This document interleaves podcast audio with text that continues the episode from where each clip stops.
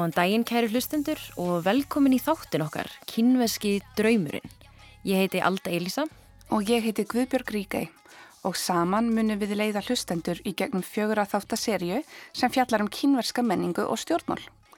Vegna aukinar nattvæðingar og umsvefa Kína í nærum hverfi Íslands til að mynda á norðurslóðum sem og í Evrópu er enn mikilvægara en áður að Íslandingar fái insýn í hugarheim kínverja og kínverskra stjórnvalda. Við Alda höfum báðar sterka tengingu við Kína. Við byggum báðar í Shanghai og tölum báðar kínversku. Ég hef sjálf jáfnframt kent kínversku og verið í starfsnámi við skautaransóknarstofnum Kína en nú er ég doktorsnemi við Háskóli Íslands í stjórnmálafræði þar sem ég rannsaka samskipti Kína og Rúslands á Norðurslöðum. Ég bjóði Shanghai í þrjú ár þar sem ég starfaði sem kennari og stundaði kínversku ná. Þar auki er ég nýbúið með mastersnám í alþjóðsamskiptum við Hong Kong Háskólan. Í þessum fyrsta þætti munum við fjalla um hugtakið kynverska draumin eða á kynversku Dongomong sem er megin stefið í hugmyndafræði Xi Jinping, forsetta alþýðu líðveldisins Kína. Hver einasti leiðtóki Kína hefur notast við hugmyndafræði eða slagorð sem enkennir þeirra valda tíð. Fyrir Deng Xiaoping var það opnunastefna og umbætur Fyrir Hu Jintao, forvera Xi Jinping, var það samfélag með samhljóm. En fyrir Xi Jinping er það kínveski draumurinn. En hvað er kínveski draumurinn? Hvað felur hann í sér? Hvaða merkingu hefur hann í fortíð, framtíð og samtíð? Við rættum við Magnús Björnsson, forstöðumann Konfúsíusarstofnunar við Háskóla Íslands, til þess að fá svör við þeim spurningum. Einnig rættum við við viðmælendur frá meginlandi Kína um kínverska draumin. Þegar maður býr í Kína þá er varðla hægt að komast hjá því að sjá skilaboð um kínverska draumin á almanna færi. Ríkei, hvenar heyrið þú fyrst um kínverska draumin? Ég heyrði fyrst um kínverska drauminn þegar ég settist upp í flugvél árið 2015 frá París til að flytja til Shanghai með manninu mínum. Maður minn hafði aldrei áður komið til Kína og áður en myndband um örgisatriði flugvélarinnar hófs þá slöknuði ljósin í vilinni, kveikt var á eldrauðum ljósum og myndband um kínverska drauminn byrjaði.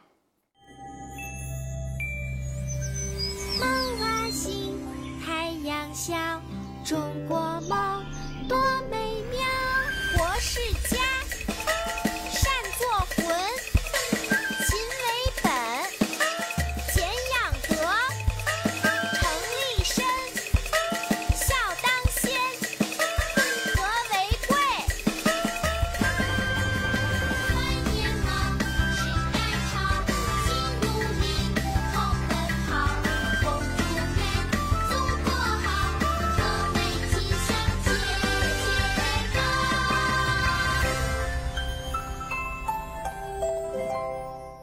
Maðurinn minn var svo steinhissa að ég held í smástund að hann ætlaði að hætta við að flytja út með mér en hann gerði það sem betur fer ekki. En í þessu myndbandi syngur sem sagt lítil teiknuð stelpa um kínverska draumin. Hún segir hlustandanum hvað Kína sé frábært og segir jáfnframt ríkið vera fjölskyldu, hvað það sé mikilvægt að vera yðin og virða þau sem eldri eru. Síðan tekur kórin við og syngur um hinn gamla draum sem á nýri öld muni rætast ef allir leggja sitt af mörgum og þá muni allir í Kína hagnast á því. En nú í dag sér maður skildi og auglýsingar um kýrneska draumin út um allt í Kína. Í öllum þeim héröðum og borgum sem ég hef ferðast til hef ég séð slikar auglýsingar um kýrneska draumin. Mis mikið það sjálfsög en þær eru alltaf til staðar. Já, þessar auglýsingar eru út um allt í Kína. En það er minna um það í Shanghai heldur en í mörgum öðrum borgum. Ég gleymi því samt sem aður aldrei þegar ég sá fyrst auglýsingu um kínuska draumin. Ég fór í bíu árið 2017 í Shanghai og áður en myndin byrjaði heyrði ég dramatíska tónlist og skjánum stóð Womenda Jongomang eða kínveski draumurinn okkar. Ég held í smástund að þetta væri stikla á bíómynd En það kom fljóðlegi ljós að þetta var hálgerð kvartninga auglýsing frá frægum kynverum, meðal annars Jackie Chan sem ætti að vera hlustendum þáttarins vel kunnugur til áhörvendana um að leggja sitta mörgum til að raungera kynverska draumin. Við skulum gefa Jackie Chan og félögum orðið. 中国梦是国家的梦，民族的梦，也是每个中国人的梦。 Kínverski draumurinn er draumur ríkisins, draumur allra kínverskra þjóðabrota og draumur allra kínverja. Einungis er hægt að raungera draum allra með því að vinna gott og heiðvirt starf. Hugsum með einum huga og vinnum með einu hjarta. Þannig náum við að raungera draum okkar. Hvaða starfi sem þú gegnir, svo lengi sem þú vinnur í þáu ríkisins, samfélagsins, allra þjóðarbrota og fjölskyldunar, þá vinnur þau í þáu kínverska draumsins. Aðeins ef ríkinu vegnar vel, þá vegnar þjóðinni og öllum vel. Aðeins þegar hver og einn vinnur að þessum fallega draumi geta þeir saman raungert kínverska draumin. Eftir að hafa hort á þessa kvartningar auglýsingu held ég að kínveski draumurinn væri afrit af bandaríska draumnum með kínveskum enginum. En eins og svo margt sem að viðkymur kínveskri menningu og stjórnmálum þá er þetta hugtak svo miklu flóknara en það verðist við fyrstu sín.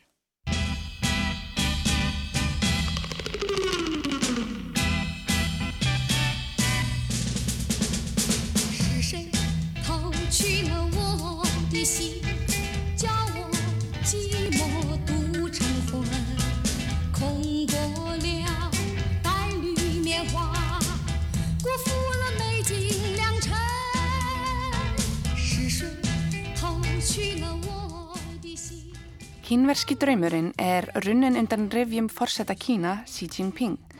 Það er að segja að hann hefur í raun komið því inn í stefnumótun kínverska stjórnvalda. Það er ofur einfældni að líta á kínverska draumin aðeins sem áróður eða hugmyndafræðilega herrferð heldur er kínverski draumurinn nátengdur sögu og sjálfsmynd kínversku þjóðurinnar. Kínverski draumurinn tengis nefnilega endurfæðingu eða endur nýjun kínversku þjóðurinnar, hitt svo kalla fúsing, aftur til fyrri dýrðar. Það er að segja fyrir hundrað ára niðurlæginguna, áður en Kína var niðurlægt af erlendum þjóðum. Það er engin tilviljun að Xi Jinping nefndi kínveska drauminn fyrst á nafn þegar hann hjælt ræðu árið 2012 í heimsóksinni á síninguna Vegurinn að enduníun. Á síningunni mátti sjá verk sem lögðu áherslu á 100 ára niðurlægingu kínvesku þjóðarinnar. En hvað er 100 ára niðurlægingin? Niðurlægin Kína byrjaði í fyrra ópíumstríðinu árið 1837 og endaði við stopnun alþýðu líðveldisins Kína árið 1949. 20 árum áður en ópíumstríðið hófst nam landframleiðsla í Kína 32,4% að landframleiðslu heimsins. En þegar niðurlægingunni laug nam hún aðeins 5,2% af landframleiðslu heimsins. Hundrað ára niðurlægingin hefur leið þungt á kínverjum allt til dagsins í dag. Þar sem Kína fór frá því að vera glæsilegt stórveldi og miðpunktur Asju í að vera niðurlægt af fyrrum nýlendu þjóðum á borfið Japani og Breta. Hundrað ára niðurlægingin er mjög flókið tímabil í sögu Kína og er mörgum hlustendum eflaust ókunnugt en einn viðmælind okkar hafði þetta um tímabilið að segja. Og þetta er einhverjum sýti sem hægla hendur hendur tjóngurinn, tjójási það tímsenfangmjönda. 19. öldin serði mjög marga kynveri á þá aðalægin kynverska anda. Fyrir árið 1840 heldu flestir kynverjar, ef ekki allir, að landið okkar væri valdamesta landi í heimi. Hvort sem að var á tímum Qing-ættarinnar eða fyrr, þá heldum við að við værum sterkasta landi í heimi. Áður var eitthvað sama hvað fólk utan landsteinana held um okkur vegna þess að við töldum okkur vera miðpunkt alheimsins. Að þessu leiti, fyrir ópíumstríðið, voru kynverjar ekki fullkomlega tilbúinir þegar fólk frá öðrum löndum reyðast inn í landið okkar eða barðist gegn okkur. Þar að auki var þetta áfall fyrir þjóðarandan og skaðin var mjög alvarlegur.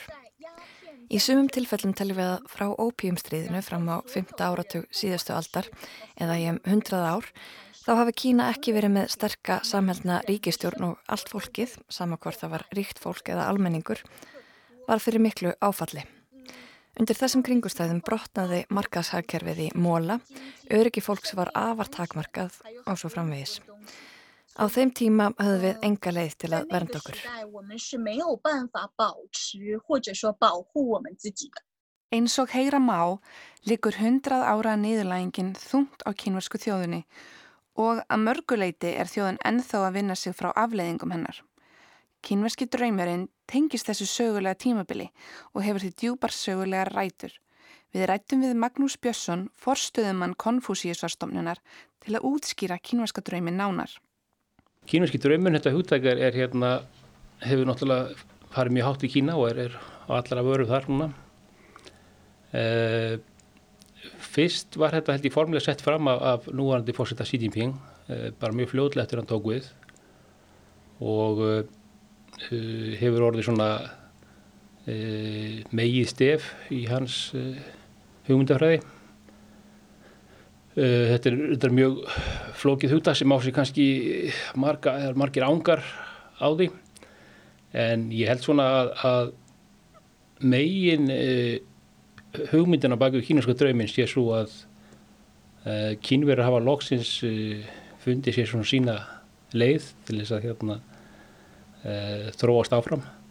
Fullir sjálfströst og þurfu ekki lengur að líta til annar landa eftir til leiðsjókn því að í gegnum tíðin að, að eftir að vesturveldin fór að, að hérna, herja á Kína og Kína var e, svona hálfgildis nýlenda að þá alla tíðurinn í, í má segja náttúrulega alla 20. öldina hafa Kínu verið að leita sér að einhverjum einhverjum uh, uh, kerfum eða, eða hérna, aðförum til þess að koma sér áfram í, í þróunni Uh, byrjun 1920. aldar var, var mjög gerðan Vesturlönd og Japan jafnvel höfðu sem, sem fyrirmyndir og uh, mjög margir uh, hugsuður á þeim tíma vildu bara kasta þessum kínversku hefðum og taka upp vestrann aðferðir og, og eða japanska sem hefur náttúrulega sjálfsögur lært af Vesturlandabúm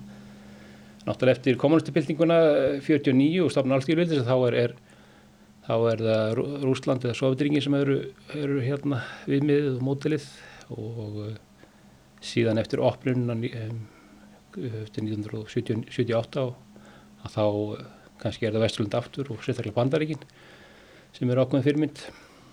En, en núna semst er, er, er, stað, er staðan svo að þeir hérna telja að, að þeir þurfu ekki lengur á fyrirmyndum að halda kín, kínverska menningin og Kína sem land og þjóð sé það sérstöka að hérna þeir bara hafa fundið sína einn leið. Og kínurski drömmun er, er, er, er sá svona að, að hérna fara sína einn leið og ná að fyrri e, ná fyrri styrk og, og, og hérna áhrifum e, og fyrri lífskjörm öngjöndu orða þannig í samanbörðu aðra þjóðir e, á, með, með kínurskum aðferðum Þú talar um ekki sjálfströst og fá sjálfströstu að ný myndið þá tengist þetta þá þjóðarniskend kynverja? Já, einhver leiti er þetta nú, er þetta nú svona ríkari þjóðarniskend sem að spilur hann inn í og hérna og það hefur nú verið hérna svona undarfarið hefur nú kannski borðið meira á, á þjóðarniskend og þjóðarnissikju innan Kína og einhver leiti er þetta svona svar við því og, og í, í þá verið að fara í það áttina. Kínurski draumurinn er nú kannski uh, ólíkur svona ameríska draumum eða getur orð þannig, það er náttúrulega annað draumahuttak sem er náttúrulega mjög þekkt. Allt í lit til að kínurski draumurinn byggist á, á því að þjóðin sem heild, ríkið sé stert og þjóðin sem heild svona nái, nái fyrri styrk en kannski ekki endilega verða að hugsa um einstaklingar fyrir sig nema náttúrulega bara sem, sem heild þannig að þetta er svona þessi kannski öðnur hugsun og kannski eðlilega því þetta er svona, uh, svona, svona einsbyggil í bakgrunni sem að, sem að þetta byggir á er alltaf mikið öðru heldur heldur til minns ameríski drömmurinn, einhvern orðað hannig en þjóðurnir siggi er þarna tvímalust uh, hluti af þessu, já Og, og tengist þessum hundrað árum niðurlægingar líka? Uh, já, það er bara runni er í sjálfum sér hluti af þessu að hérna þú le- segir skili við þann, þann tíma og, og hérna nærði semst fyrir styrk. Uh, bæði Kína var náttúrulega á sínum tíma áður en að þessi þetta niðurlenga tíðanbíl hóst og sérstaklega náttúrulega tölvört fyrra öldum og þá var Kína auðvitað uh, auðvitað hérna það land sem var einna fremst í heiminum og hefur náttúrulega alltaf verið fjölmynd að það er eðlilega bara hefur verið mjög, mjög stert hvað það var sérstaklega á svæðisbundið í Östur-Asíu uh, en einnig voru lífskjöf fólks þar með því besta sem gerðist í, í veröldinni á, á grunn tíðanbölum og, og uh, menn tengja svona þessa öld niðurlængar eins og, eins og við talaðum að tengja það svona uh, lagar í lífskjörum og, og uh, Kína var náttúrulega kallaður, kallað á þeim einhverjum tíma veiki maður Asíu þannig að þetta er svona endur endur fæðing skulum segja kínusku þjóðurnar í hérna sem virtist í kínusku drauminum. Þannig að hvert myndur þú segja að veri megin markmiðið? Er það þessi aukin eða þessi styrkur ríkisins saman alls? Já, sko megi markmið með kínusku draunum er, er held ég að, að hérna, það er náttúrulega bæði er svona tví þetta skulle segja annars vera innanlands á náttúrulega er, er að auka lífskeiði almennings og hérna og Kína verði komið í fremstu röð hvað, hvað tækni og vísindi og, og samfélag varðar uh, í, framtíðinni og talaði um sérstaklega að 100 ára afmæli alþjóðlífildis að þá verði sem er þá 2049 að þá verði Kínarunni komið í, í hóp með mestu velmöðundu þjóða í heiminum. Eh, síðan er, er einnig á alþjóðavettvangi þá er, er, er svona uh, kemur inn í þetta að Kína láti svona kannski meira til sín taka alþjóðavettvangi og taki meira til sín í svona alþjóðamálum og hérna seti ekki bara alltaf mikið, seti ekki hjá eins og, eins og kannski hefur verið lenskand aldrei á síðustu 30-40 árum eh, sem er kannski ekkit óeðlegt með svona efnagslega styrk og, og íbúfjöldi landsins að, hérna, að Kína taki skref fram á við á allþjóða vettvangi. Og tengist þetta einhvern veginn lögumæti kínverska flokksins að halda uppi þessum lífsgæðum og eða hvað myndir þú segja? Já, uh, sko flokkun er, er, er hérna, komarsflokku Kína hefur verið í, í hérna einhverju leiti svona pílundi lögmætis krísu uh, uppalega náttúrulega er þetta hugmyndafræði sem að kommunismann sem hann byggir á uh, síðan er, er tekum við uh, svona óformlegt samkomlega melli flokksins og þegnana að hérna að uh, hann sjá, sjáum það að lífskjöf fólks batni og hérna á meðan að en fólk bara lætið þá flokkinum að stjórna. Það er náttúrulega, þótt að það hefur verið mikill hagustur í Kína og, og, og mikill uppgangur, það náttúrulega kemur að því að hérna, efnæsli lögmál sem að ákvara það, það kemur að því að það hægist á því og þá það kannski að fara að beita einhverjum öðrum e, öðrum aðförum til þess að hérna, fylgja fólk um sig. Og þá kemur náttúrulega mitt ekki síst eins og þjóðninsíkja og annars litt upp í hugan og einhver leiti, einhver leiti er, er þá uh, hugmyndinu kínverska draumin svona svar við, við þessu. Að, uh, að fólk haldi áforma flikjast um að hérna, styðja komunátturflokkin í, í sín, uh, já eða sérst að fólk haldi áfram að, að umbera stjórn komunátturflokksins með því að að hann sjáu þá um að, að þjóðin sem heild að hennar velferð sé muni halda áfram og hérna og kínverðar muni geta hort stolti fram í heiminn. En tengist þetta líka stjórn Xi Jinping sjálfs að hann vilja halda áfram að hafa völdin? Uh, sko Xi Jinping er náttúrulega hérna eftir hann tók við að þá þá náttúrulega var hann mjög fljóðlega orðin mjög sterkulegt og sem ég segja hann sé nú uh, svona í sögulegu samingi þá sé nú kannski helst bara má sem hafi haft meiri völd þegar á hans dögum sem ég veit nú ekki alveg hvort það nú rétt í að kínarska samfélagi í dag er náttúrulega mjög margslungið og, flókið. Uh, en uh, þetta er náttúrulega eitt af hans hérna uh, svona megin stefum og, og hann hefur haldið drömmum mjög á lofti, það er hann sem að er uppásmaður af, af þessu hugtæki og, og hérna og þetta tengir sannlega hans völdum. Nákvæmlega hvort að hérna þú veist hvaða plön hann hefur í framhaldinu, hvort hann allt sér að verða leitu í Kína hérna út í það óandilega, það, það hérna, skal ekki segjum og, og reyndar ekki miklu líkur á því en, en hérna en þetta er sannlega, semst kínuski draumin er náttúrulega hans sín á framtíðina og hérna tengist honum náttúrulega algjörlega bara mjög óráðum böndum. Takk fyrir þetta Magnús. Já, mín er ánægð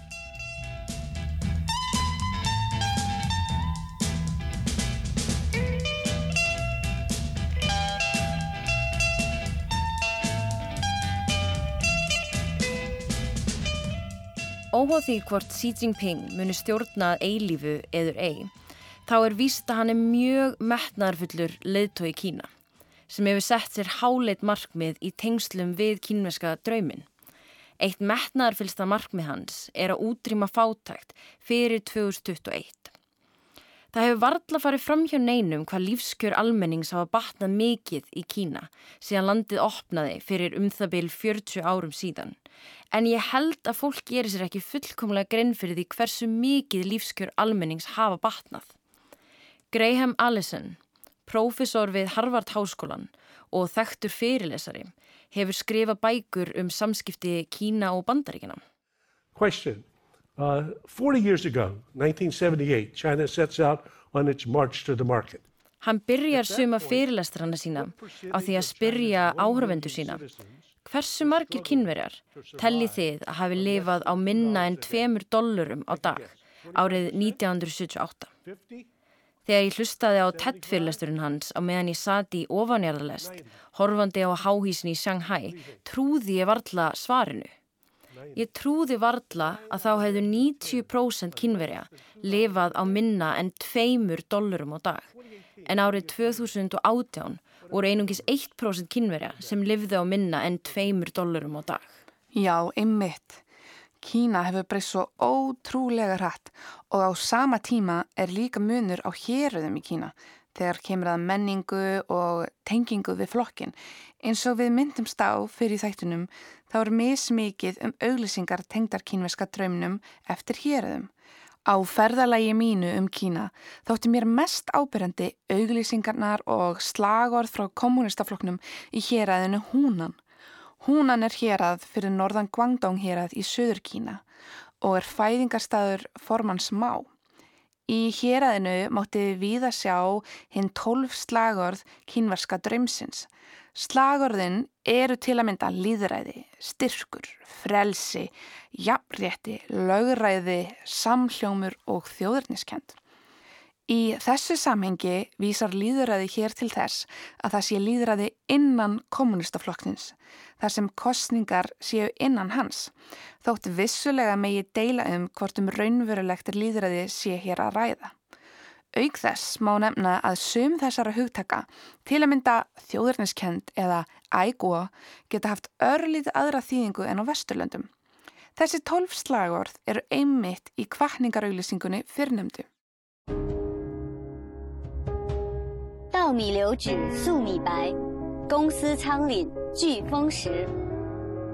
Mingvei bangbönn, bönn gú bang ning.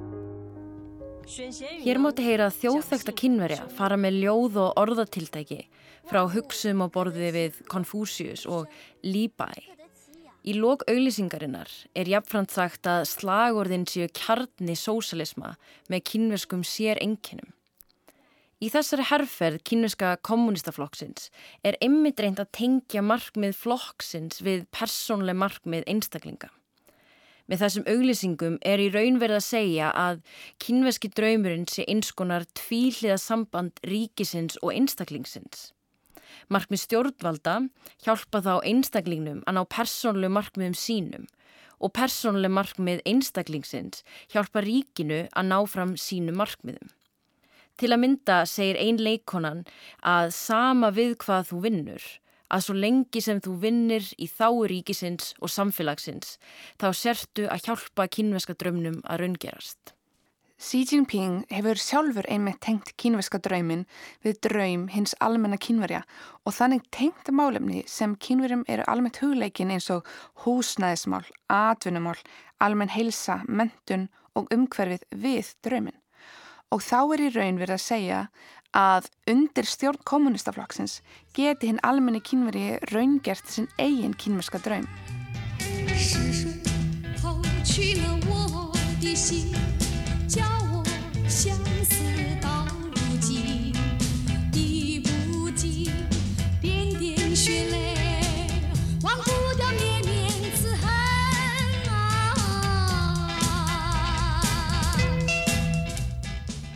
Eins og Magnús myndist á í viðtalinu hér áðan er markmiðið með kynveska drömnum tvíþætt.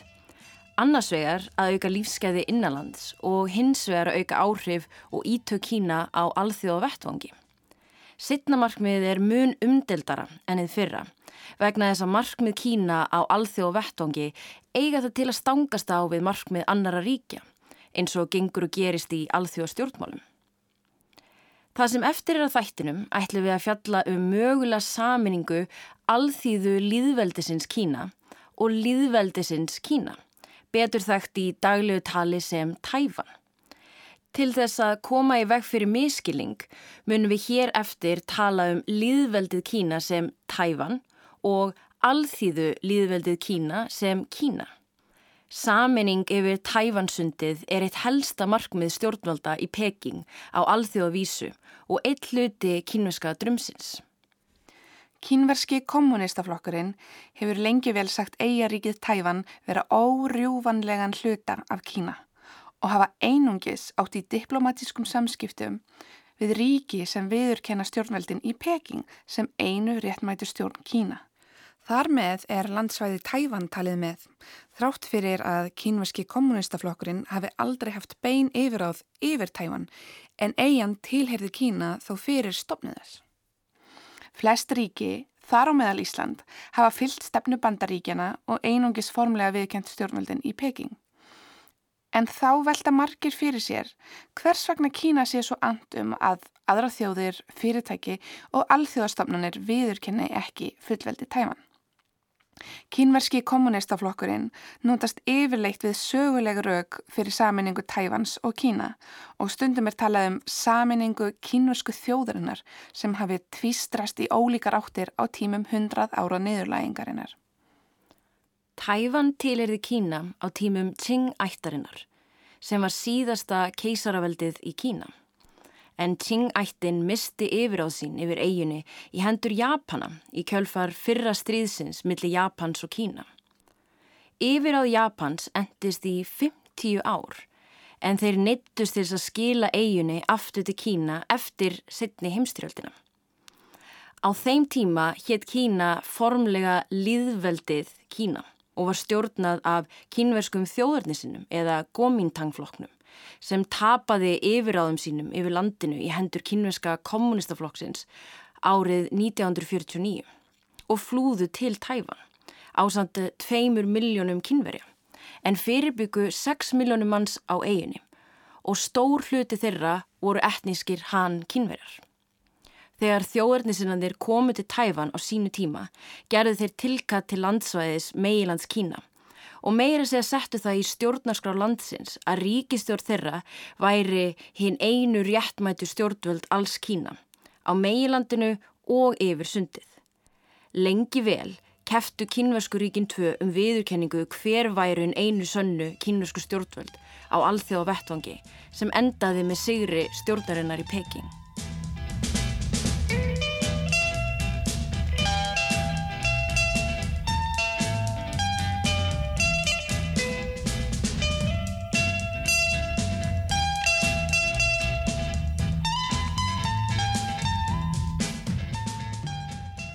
Margt hefur breyst síðan þá, bæði á meginlandinu og í Tæfan. Árið 2019 skilgreindu 58,5% íbúa Tæfan sig einungi sem Tæfani, rífilega þriðjungur sem bæði Tæfani og kínverja en einungis 3,5% sem kínverja. Að því er kemur fram í árlegri könnun á vegum kostningamiðstöðvar Chengchi háskóla í Tæfan. Þetta er mikil mingun frá árinu 1992 þegar um fjörðungur þjóðarinnar skilgreindi sig sem einungis kynverja.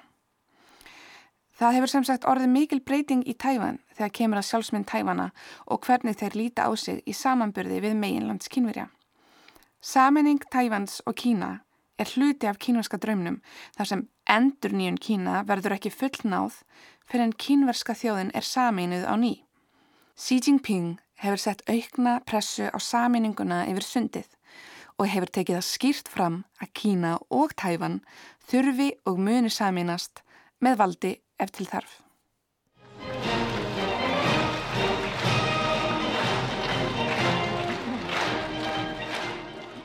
Tungurinn búða tungurinn.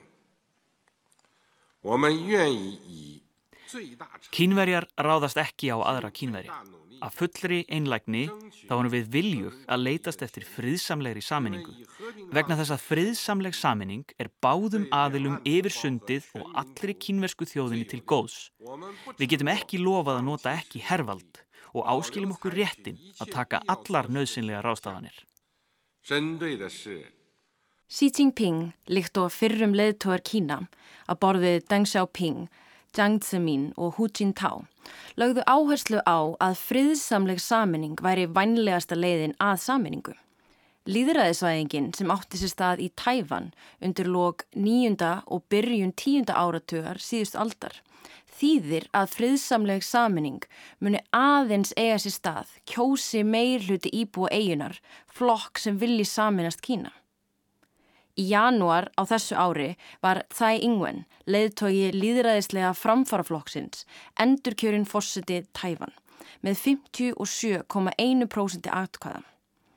Kostningabarðan snerist að mörgu leiti um hvernig samskiptum við Kína er þið háttað í ljósi vaksandi veldist þess og mótmálarhefingarinnar í Hong Kong. Kostningabarða Tsai Ing-wen laði sérstaka áherslu á tæfanska sjálfsmynd, líðræði og frelsi. Þar sem friðsamlega saminning er undir almenningi komið, þá ákváðum við að ræða við almenningi tæfan og spurðum þau hvað kæmi upp í huga þeirra þegar þau heyrðu um mögulega saminningu yfir sundið. I understand why Chinese people and some pro-China Taiwanese hold this idea. Ég skil hvers vegna sumir kínverjar og tæfanir sem eru hlýðhóllir kínverskum stjórnvöldum halda þessari hugmynd á lofti. En eftir að ég læriði sögu tæfans frá öðrum heimildum þá held ég að þessi hugmynd sé bull og vittlisa.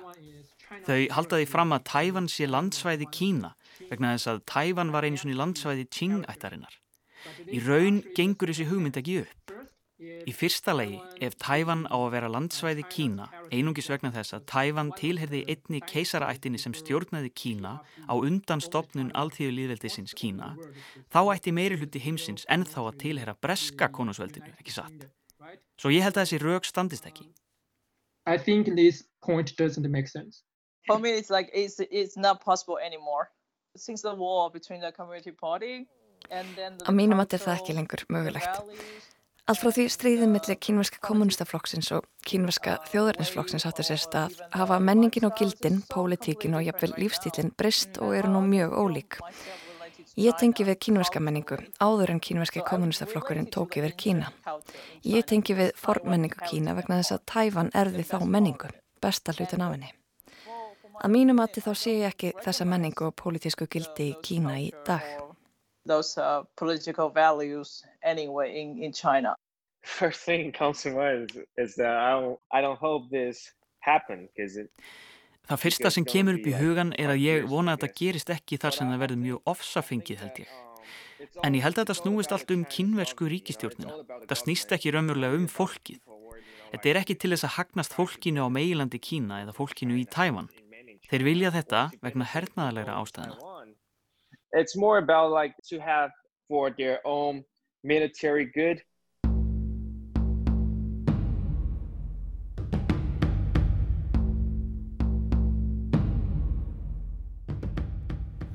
Hugtækið um kínverska draumin er afar markþætt og flókið. En kjarni þess er að reysa Kína og kínvesku þjóðana aftur til fyrir dýrðar fyrir tíma 100 ára niðurlægingarinnar. Lífskjara kappleipið er hluti af draumnum þar sem einstaklingar á meðal kínvesku þjóðarinnar eru kvartir til þess að leggja sig alla fram og vinna vel til þess að geta einmætt raungert sinn eigin kínveska draum. Neistluhyggjan kemur því við sögu, enda eru efnahagslegar breytingar í Kína á síðustu 30 árum reynd útsagt ótrúlegar. Kínverski draumurinn er bóð að ofan. Þetta er í raun áttinn sem kínverska þjóðin ánú að stefna að mati Xi Jinping og kínverska kommunistaflokksins. Erfitt er að vita raunverulegt álit kínversks almennings á framtækinu. Þá er ljóst að allir kínverjar eigi að þekki markmið drömsins. Mörgum spurningum er þá enn ósvarað þegar kemur að framtíð kínverska drömsins. Hvað með minnilutahópa innan Kína? Hvernig passa þeir inn í draumin? Á draumurinn einni að vera draumur tæfana, þar sem meiri hlutin lítur ekki lengur á sig sem kínverja? Hvað með Hong Kong, þar sem fjölmenn mótmæli gegn stjórnvöldum hafa átt sér stað á síðastlinu ári? Við munum einmitt fjalla um mótmælarheyfinguna í Hong Kong í þriðja þætti. Við þökkum hlustendum fyrir fyldina í gegnum þennan fyrsta þátt um kínverska draumin.